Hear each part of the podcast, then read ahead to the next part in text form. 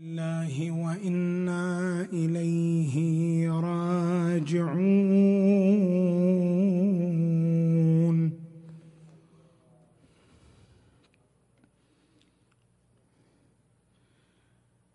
السلام على من غسله دم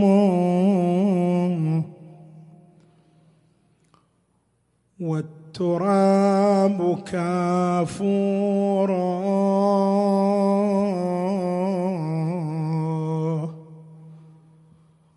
ونسج الريح. أكفانا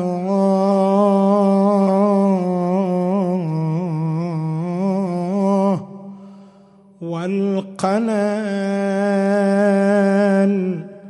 خط طي عشاه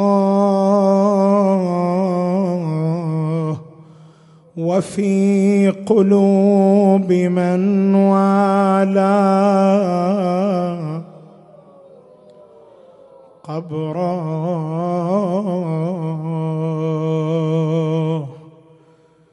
السلام على الأجساد السليبات.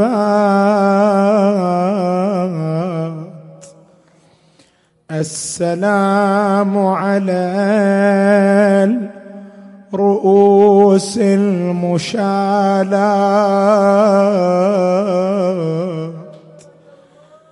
السلام على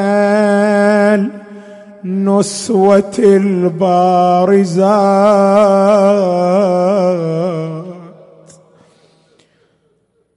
ولزينب نوح لفقد شقيقها. وتصيح يا ابن الزاكيات الركعي. اليوم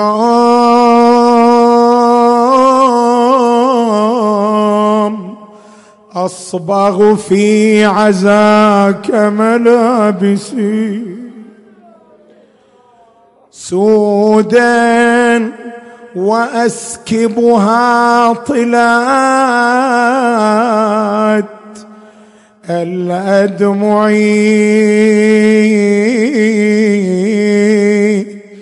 اليوم شبوا نارهم في منزلي.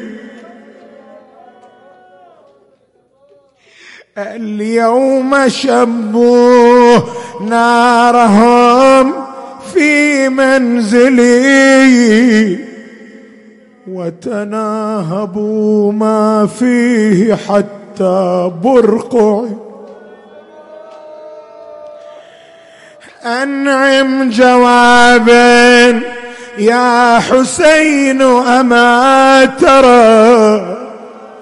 شمر الخنا بالصوت كسر أضلعي أنعم جوابا يا حسين أما ترى. شمر الخنا بالصوت كسر أضلعي. فأجابها من فوق شاهقة القناة قضي القضاء يا زينب.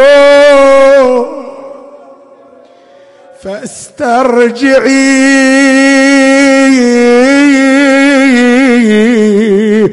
آه. وتكفلي حال اليتامى وانظري ما كنت أصنع في حماهم. أصنعي. قالها يا زينب باليتامى. لا تجي ولا تكثرين من البواج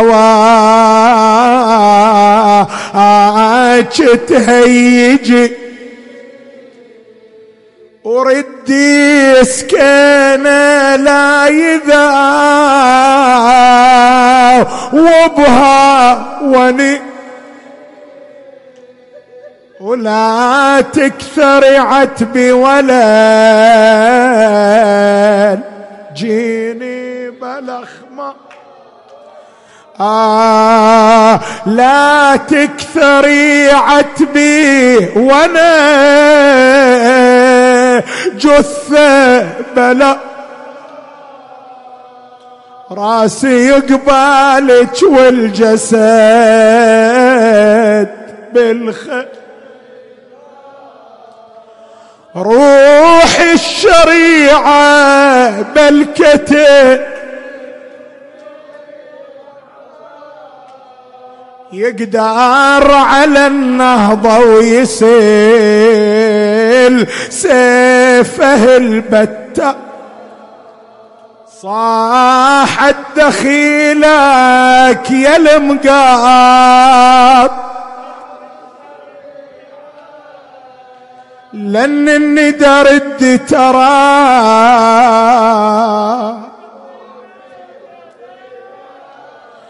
للخيام رد بها اليتامى يا الودي تدرين بيا مقطعة يمين يليسا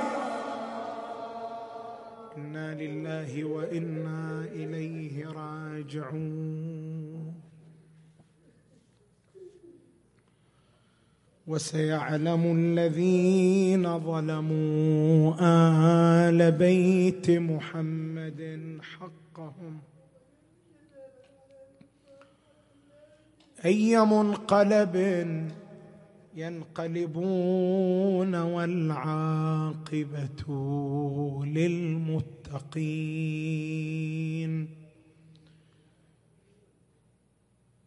قال الله العظيم في محكم كتابه الكريم. فلولا كان من القرون من قبلكم أولو بقية ينهون عن الفساد في الأرض إلا قليلا. ممن أنجينا منهم واتبع الذين ظلموا ما أترفوا فيه وكانوا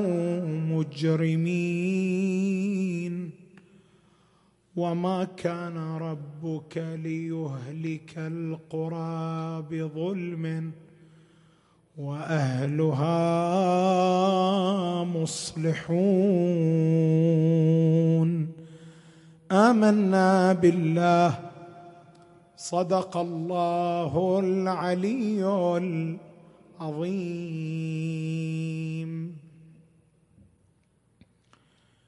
حتمية النهضة الحسينية. في ظل السنن التاريخية.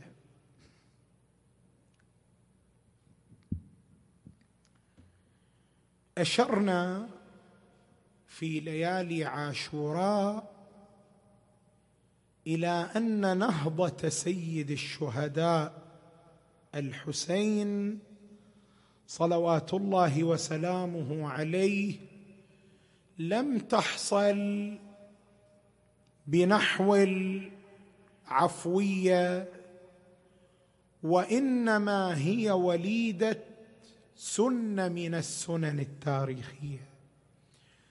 وإنما هي وليدة الأنظمة والقوانين الحاكمة على التاريخ والمجتمعات.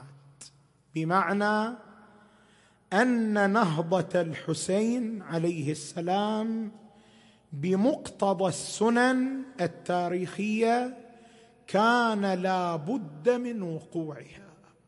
ولذلك قال عليه السلام لا محيص عن يوم خط بالقلم رضا الله رضانا أهل البيت. وهذا الذي أشرنا إليه حينئذ هو ما نتحدث عنه هذه الليلة. حتمية النهضة الحسينية في ظل السنن التاريخية. وهنالك عدة طرق لإثبات هذا العنوان ولكننا نختصر الطريق ونختار طريقا مختصرا. هذا الطريق المختصر يبتني على مقدمتين وكل مقدمة تتكون من شقين. انجي إلى المقدمة الأولى. وهي المقدمة الكلية. ثم نصل إلى المقدمة الجزئية إن شاء الله تعالى. المقدمه الكلية الشق الأول منها هو التلازم السنني بين عدم مدافعة المجتمع للفساد وبين حلول العذاب أو البلاء. هناك تلازم لا ينفك. بمقتضى سنن التاريخ هناك تلازم سنني بين عدم مدافعة المجتمع للفساد الذي يظهر فيه وبين حلول البلاء الوباء العذاب على ذلك المجتمع أي مجتمع كان. هذا التلازم السنني من أين نستفيده؟ من آيات قرآنية وأحاديث معصومية. من الآيات القرآنية الآية التي افتتحنا بها صدر المجلس. فلولا كان من القرون من قبلكم أولو بقية يعني أصحاب قوة وفضل. أولو بقية ينهون عن الفساد في الأرض. الآية تقول لولا فلولا يعني هلا. ليش؟ ليش في القرون اللي قبلكم هذا ما صار؟ فلولا كان من القرون من قبلكم أولو بقية ينهون عن الفساد في الأرض. إلا قليلا. نعم قلة هناك موجودة. إلا قليلا. إلا قليلا ممن أنجينا منهم. لكن السائد ما هو؟ واتبع الذين ظلموا ما أترفوا فيه وكانوا مجرمين وما كان ربك ليهلك القرى بظلم وأهلها ماذا؟ مصلحون. لكن إذا تجرد المجتمع عن عملية الإصلاح ولم يدافع الفساد الاجتماعي فإن ذلك المجتمع يستحق الهلاك البلاء العذاب. لذلك أكو رواية تهمنا جدا في تفسير الآية. النبي صلى الله عليه وآله يقول لابن مسعود يا ابن مسعود حتى أنت تعرف ليش أن العلماء أو الخطباء أو المصلحين يصرون على طرح بعض القضايا ومداولتها رغم اليأس من الواقع. يعني بعضهم يقول ليش انت تصر على الحجاب الحجاب الحجاب. والحال أن مسألة الحجاب في انفلات والخروقات لها تتسع. ليش الإصرار على مسألة الحجاب؟ الجواب هنا. يا ابن مسعود أنصف الناس من نفسك. وانصح الأمة وارحمهم. فإنك إذا فعلت ذلك وغضب الله على بلدة وأنت فيها وأراد أن يعذبها نظر إليك فرحمها بك. لما يكون هناك أشخاص يؤدون وظيفتهم الشرعية في مدافعة الفساد فإن ذلك ماذا؟ يدفع البلاء الوباء العذاب الإلهي الذي يستحقه المجتمع. لكن إذا المجتمع لم يدفع الفساد وسكت واستسلم كان حلول العذاب امرا واقعا لا بد منه. تعال إلى آية أخرى في القرآن. القران شو يقول؟ لعن الذين كفروا من بني إسرائيل على لسان داود وعيسى ابن مريم ذلك بما عصوا وكانوا يعتدون. لعن لعن. يعني طردوا من رحمة الله. لعن الذين كفروا. ليش لعنوا؟ القرآن يقول ذلك بما عصوا وكانوا يعتدون. شنو كانوا يعتدون؟ القرآن يبين. كانوا لا يتناهون عن منكر فعلوه. لبئس ما كانوا يفعلون. هذا القرآن يقرر القانون السنني. يقرر التلازم السنني. ولذا ورد في الرواية عن أمير المؤمنين عليه السلام قال إنما أهلك الله من كان قبلكم لما عملوا بالمعاصي ولم ينههم الربانيون والأحبار. فلما تمادوا في المعاصي نزلت بهم العقوبات. قانون سنني صارم حاكم.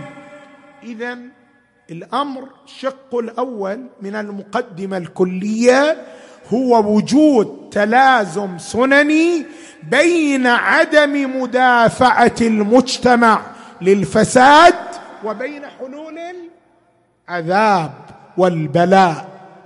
هذا الشق الأول. الشق الثاني. هو أن شأنا من شؤون أهل البيت عليهم السلام وخصوصية من خصوصياتهم ووظيفة من وظائفهم دفع عذاب الإبادة والاستئصال عن الأرض. لماذا؟ باعتبار أن الدين الخاتم والشريعة الأبدية هي الشريعة المحمدية ووجود هذه الشريعة بوجود الناس لذلك وظيفة الإمام أن يحافظ على وجود الناس لتحفظ الشريعة ويدفع العذاب عنهم. شوف القرآن من يجي يتحدث عن النبي صلى الله عليه وآله ماذا يقول؟ ما كان الله ليعذبهم وأنت فيهم. لما نجي الإمام الباقر عليه السلام يتحدث عن نفس هذه الخصوصية ماذا يقول؟ يقول لو بقيت الأرض يوما بغير امام لساخت بأهلها. بل الأمر أعظم من هذا. شوف الإمام وجوده مو فقط يمنع مرتبة من مراتب العذاب يمنع أشد مرتبة من مراتب. جدا هذا شيء مهم. شوف الرواية شو تقول؟ لو بقيت الأرض يوما بغير إمام لساخت بأهلها ولعذبها الله بأشد عذابه. يعني لو ما الإمام موجود يا عذاب اللي ينزل. أشد العذاب. الإمام صمام أمان من أشد أنواع العذاب. وإن الله تبارك وتعالى اسمع الرواية جيدا. وإن الله تبارك وتعالى جعلنا حجة في أرضه وامانا في الأرض لأهل الأرض من أن تسيخ بهم ما دمنا بين أظهرهم. فإذا أراد الله أن يهلكهم ولا يمهلهم ولا ينظرهم ذهب بنا ورفع بنا إليه ثم يفعل بهم ما يشاء. معصوم الإمام شأنه دفع العذاب عن الناس. لذلك انت تسمع في الروايات بأن سيد الشهداء عليه السلام يوم عاشوراء لما أصيب بالسهم المثلث جمع الدم رمى به نحو السماء فما رجعت منه ولا قطره واحدة. لماذا؟ مرجعان من مراجعنا المعاصرين ادام الله ظلالهم سيدنا الأستاذ السيد الروحاني دام ظله وشيخنا الشيخ الوحيد الخراساني دام ظله كلاهما يسألان هذا السؤال لماذا رمى الحسين بدمه نحو السماء؟ يجيبان لئلا يحل العذاب على الناس. فإنه لو سقطت قطرة من دم الحسين على الأرض من دم قلب الحسين لساخت الأرض بأهلها. هذا من وين؟ هذه الإجابة التي يجيب بها المرجعان العظيمان. من أين اقتبساها من الروايات؟ إذ لها نظائر. أجيب لك من هذه النظائر. النبي صلى الله عليه وآله لما ضربه المشركون بالحجارة وشج وجهه المبارك وجاءت له خديجة بنت خويلد صلوات الله وسلامه عليها وجدت النبي يجمع دمه وكلما صار بعض الدم يحاول السقوط على الأرض النبي كان يمسحه على جسده فقالت له يا رسول الله لم لا تسمح أن يقع لم لا تأذن أن يقع الدم على الأرض؟ قال أخشى من غضب رب الأرض على أهل الأرض. لو هذا الدم يسقط لكان يحل غضب رب الأرض على أهل الأرض. نفس القضية يوم لما شج وجه النبي صلى الله عليه وآله وسالت دماؤه وأقبلت له عمته صفية والصديقة الطاهرة صلوات الله وسلامه عليها الزهراء. الرواية تقول هكذا كان يأخذ الدم ويرمي به نحو السماء. تماما مثل ما فعل الحسين. يأخذ الدم يرمي به نحو السماء فما كان يرجع منه شيء الإمام الصادق عليه السلام يعلق على الرواية. يقول ووالله لو سقط شيء منه لحل العذاب على أهل الأرض. المعصوم أمان لأهل الأرض. يمنع من حلول العذاب عليها.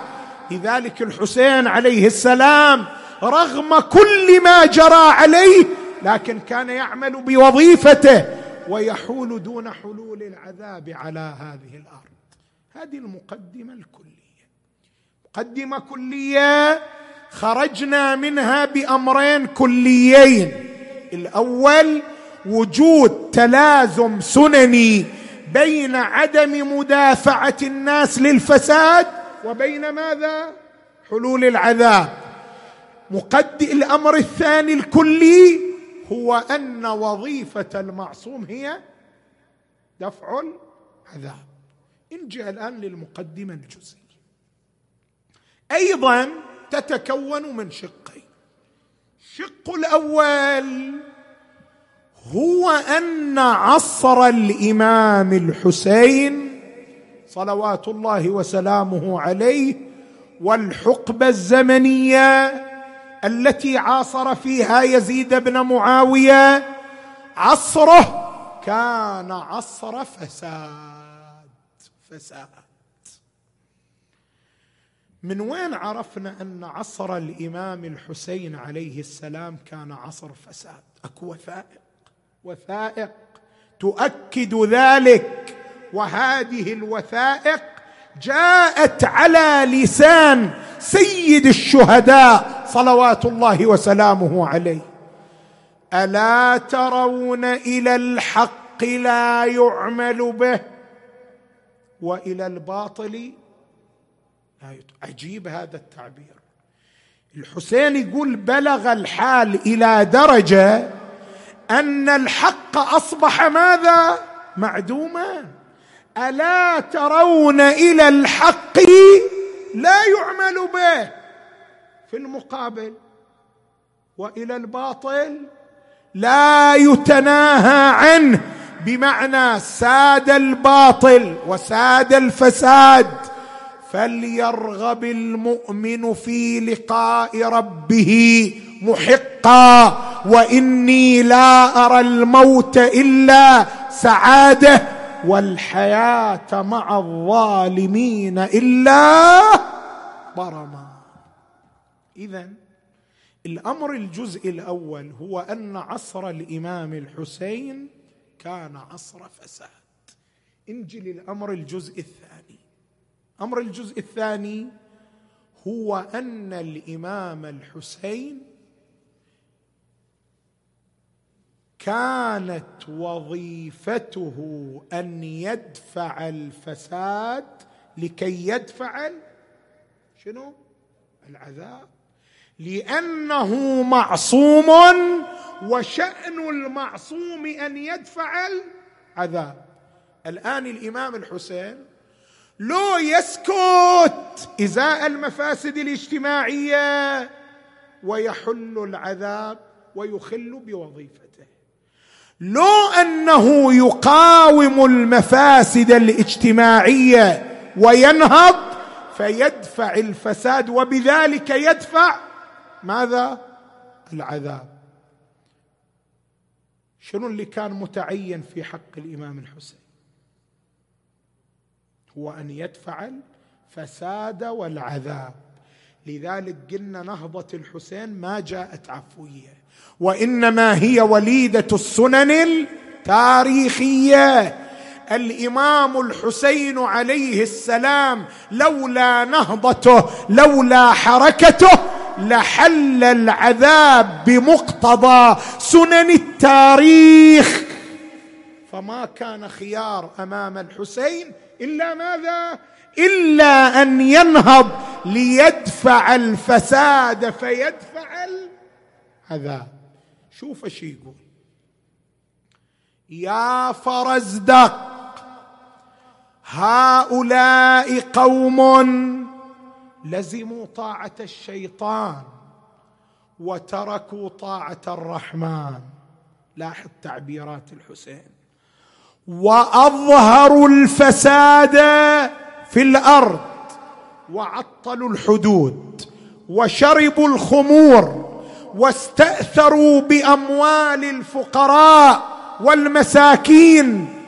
وأنا أولى من قام لنصرة دين الله وإعزاز شرعه والجهاد في سبيله لتكون كلمة الله هي الحسين. يربط بين موقفه وبين شنو؟ وبين شيوع الفساد يربط بين موقفه وبين استحكام الفساد. لما التقى بجيش الحر خطب الحسين خطبة وقال في خطبته عليه السلام أيها الناس سمعت جدي رسول الله صلى الله عليه وآله يقول من رأى منكم سلطانا جائرا مستحلا لحرم الله ناقضا لعهد الله مخالفا لسنة رسول الله عاملا بالإثم والعدوان في عباد الله ولم يغير عليه بقول أو فعل كان حقا على الله أن يدخله مدخله. يقول أنا إذا ما أتخذ موقف الآن وأواجه الفساد رايحه تصير مؤاخذة لهؤلاء الظلمة وهذه المؤاخذة ستشمل الجميع. كان حقا على الله أن يدخله مدخله. تصير مؤاخذة للكل ويحل العذاب بالجميع. فلزم علي أن انهاض ما خرجت ولا بطرا ولا ظالما ولا مفسدا وإنما خرجت لطلب الإصلاح. يعني أكو فساد لو ماكو فساد. والا إيش معنى الإصلاح بعد؟ وإنما خرجت لطلب الإصلاح في أمة جدي امرا بالمعروف وناهيا عن المنكر. اذا حركة الحسين نهضة الحسين ما جاءت وليدة العفوية وإنما هي مقتضى السنن التاريخية مقتضى القوانين التي تحكم العالم والمجتمعات أن ينهض سيد الشهداء. صلوات الله وسلامه عليه. فنهض الحسين. وقدم كل ما يملك من أجل مقاومة الفساد والإصلاح. قدم كل ما يملك. قدم رجالا قدم اموالا قدم اطفالا قدم نساء كل ما يملك قدمه في سبيل الله. شاء الله أن يراني قتيلا وشاء الله أن يراهن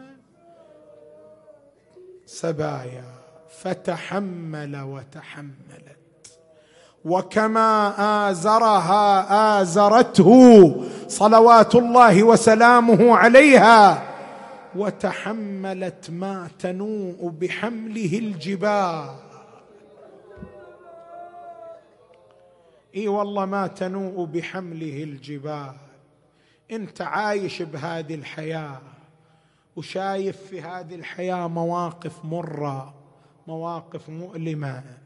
ماكو واحد من عندنا إلا وفقد حبيب من أحبته في هذه الحياة الطويلة. وانت شايف شلون فقد الأحبة يزلزل ركن الإنسان يذيب قلب الإنسان. وانت رجل وإذا تفقد واحد من أحبتك تذوب. إذا ما حال هذه المرأة التي فقدت في يوم واحد خيرة أهل الأرض خيرة أهل الأرض فقدت إخوتها. احبتها أولادها أبناء عمومتها الكبار الصغار الكهول. وباتت هذه الليلة وهي لا ترى إلا رؤوسا على رؤوس الرباط أجساد متناثرة أيدي متقطعة. وتظل زينب تقارن بين حالها في هذه الليلة والليالي التي مضت. تقول عباس عند البارحة يحوط الصياوي. يا مر ينهي وأخوته. كلهم مسلحين والخيل مسروجة. وهلها مصغين للصايح ولا منهم وحسين من يسمع بكى وبخيمة دخلها. شوف الرحمة الحسينية يسكت الحرمة وياخذ بحجرة طفلها وبا هدي أطفالكم البارحة يا زينب والليلة وين أطفالكم؟ يسكت الحرمة وياخذ بحجرة أطفالهم هذه الليلة تحت حوافر الخيول وينها عاتكة سحقتها حوافر الخيل وين أولاد مسلم سحقتهم حوافر الخيول إيه وحسين من يسمع بكى بخيمة يسكت الحرمة وياخذه وباتت خيمنا مطنبة وتزهر بهلها وصيوان أخوي حسين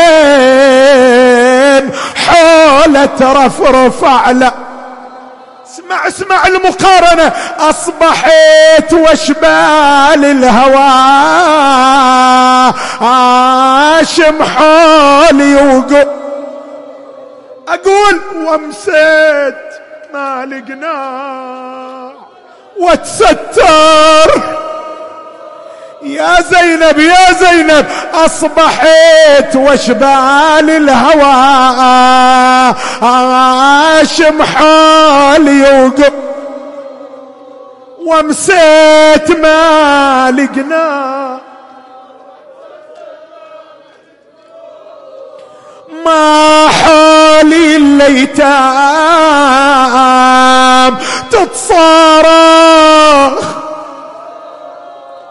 وين المعزة وين زهرة ذيك ليا وصارت تجمع اليتامى والأطفال والنساء.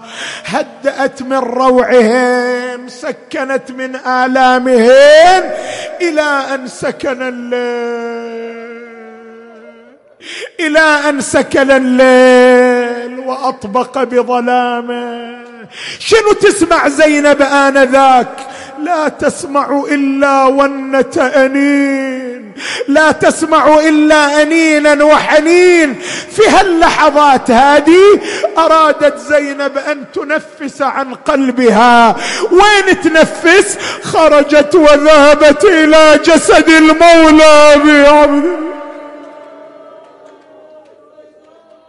أقبلت إلى جسد الحسين وجدته بلا راس بلا يدين قد طحنت الخيل عظامه وضعت يديها تحت الجسد الطاهر ونادت اللهم تقبل منا. هنا بدأت زينب تحكي ويا الحسين. إيش ما بقلبها صارت تحكي ويا بالليل. ماكو إلا وهي ماكو إلا هي وهو. تقول له يا خويا يا الجنت لي خيمة وظلال. يا خويا قبال عيني راسك انشال.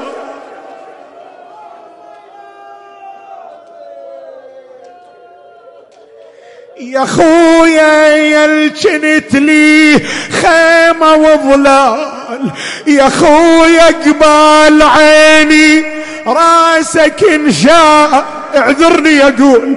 يا خويا والاشد فعلة الجمال؟ قدامي قطع يمناك والشمال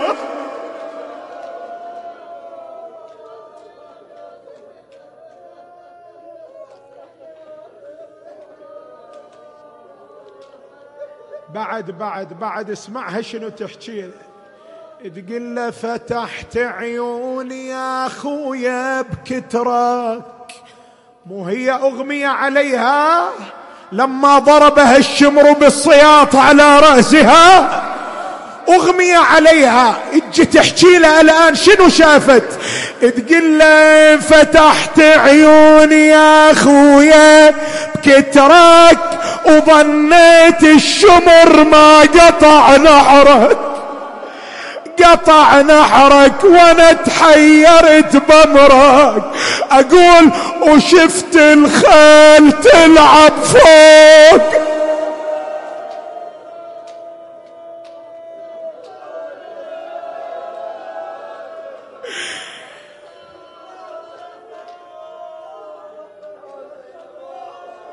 بعد بعد اسمع شكاواه إيش تقول.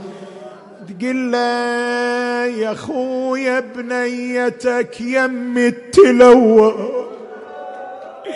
يا خويا بنيتك يم التلوى. تقول الماي ما أريد أتروى. يا عمة يا عمة أبويا من ذبح عطشان تو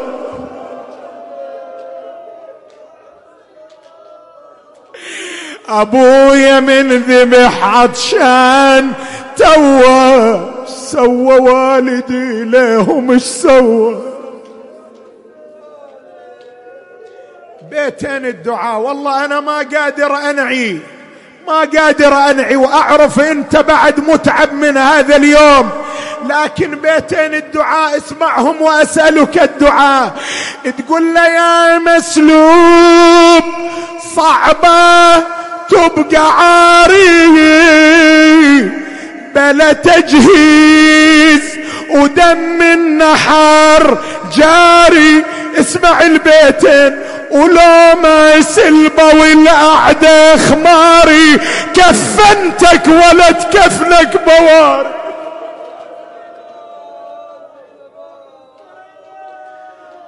ولا ما سلبة والأعداء خماري آه يا زينب ولو ما سلبة والأعداء إيه كفنتك ولد كفنك بابا.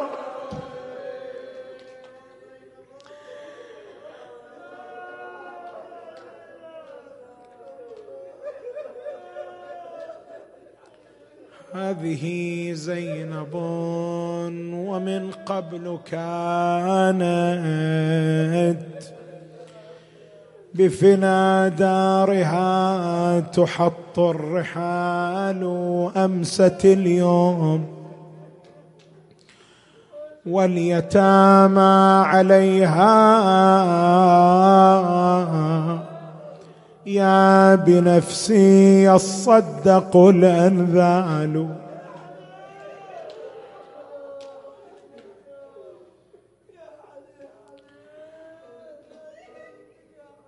بالحسين الوجيه وجده وأبيه وأمه وأخيه والتسعة المعصومين بنيه فرج عنا بتعجيل فرج المولى صاحب العصر والزمان اجعلنا من أنصاره وأعوانه والمقاتلين بين يديه والمستشهدين تحت لوائه. اللهم بحقه وبحق آبائه فرج هموم المهمومين واقض حوائج المحتاجين وفك الأسرى والمسجونين وأد دين المديونين واحفظ مر واشف واشف مرضى المؤمنات والمؤمنين سيما المنظورين واحفظ مراجع الدين والعلماء العاملين ومجالس سيد الشهداء الحسين اللهم اكشف هذه الغمه عن هذه الأمة وادفع عنا هذا الوباء ومن على سائر المرضى بالصحة والعافية والشفاء. بحق مولانا وسيدنا سيد الشهداء وإلى موت العلماء الأعلام والمؤسسين والحاضرين والمؤمنين والمؤمنات نهدي للجميع ثواب الفاتحة تسبقها الصلوات.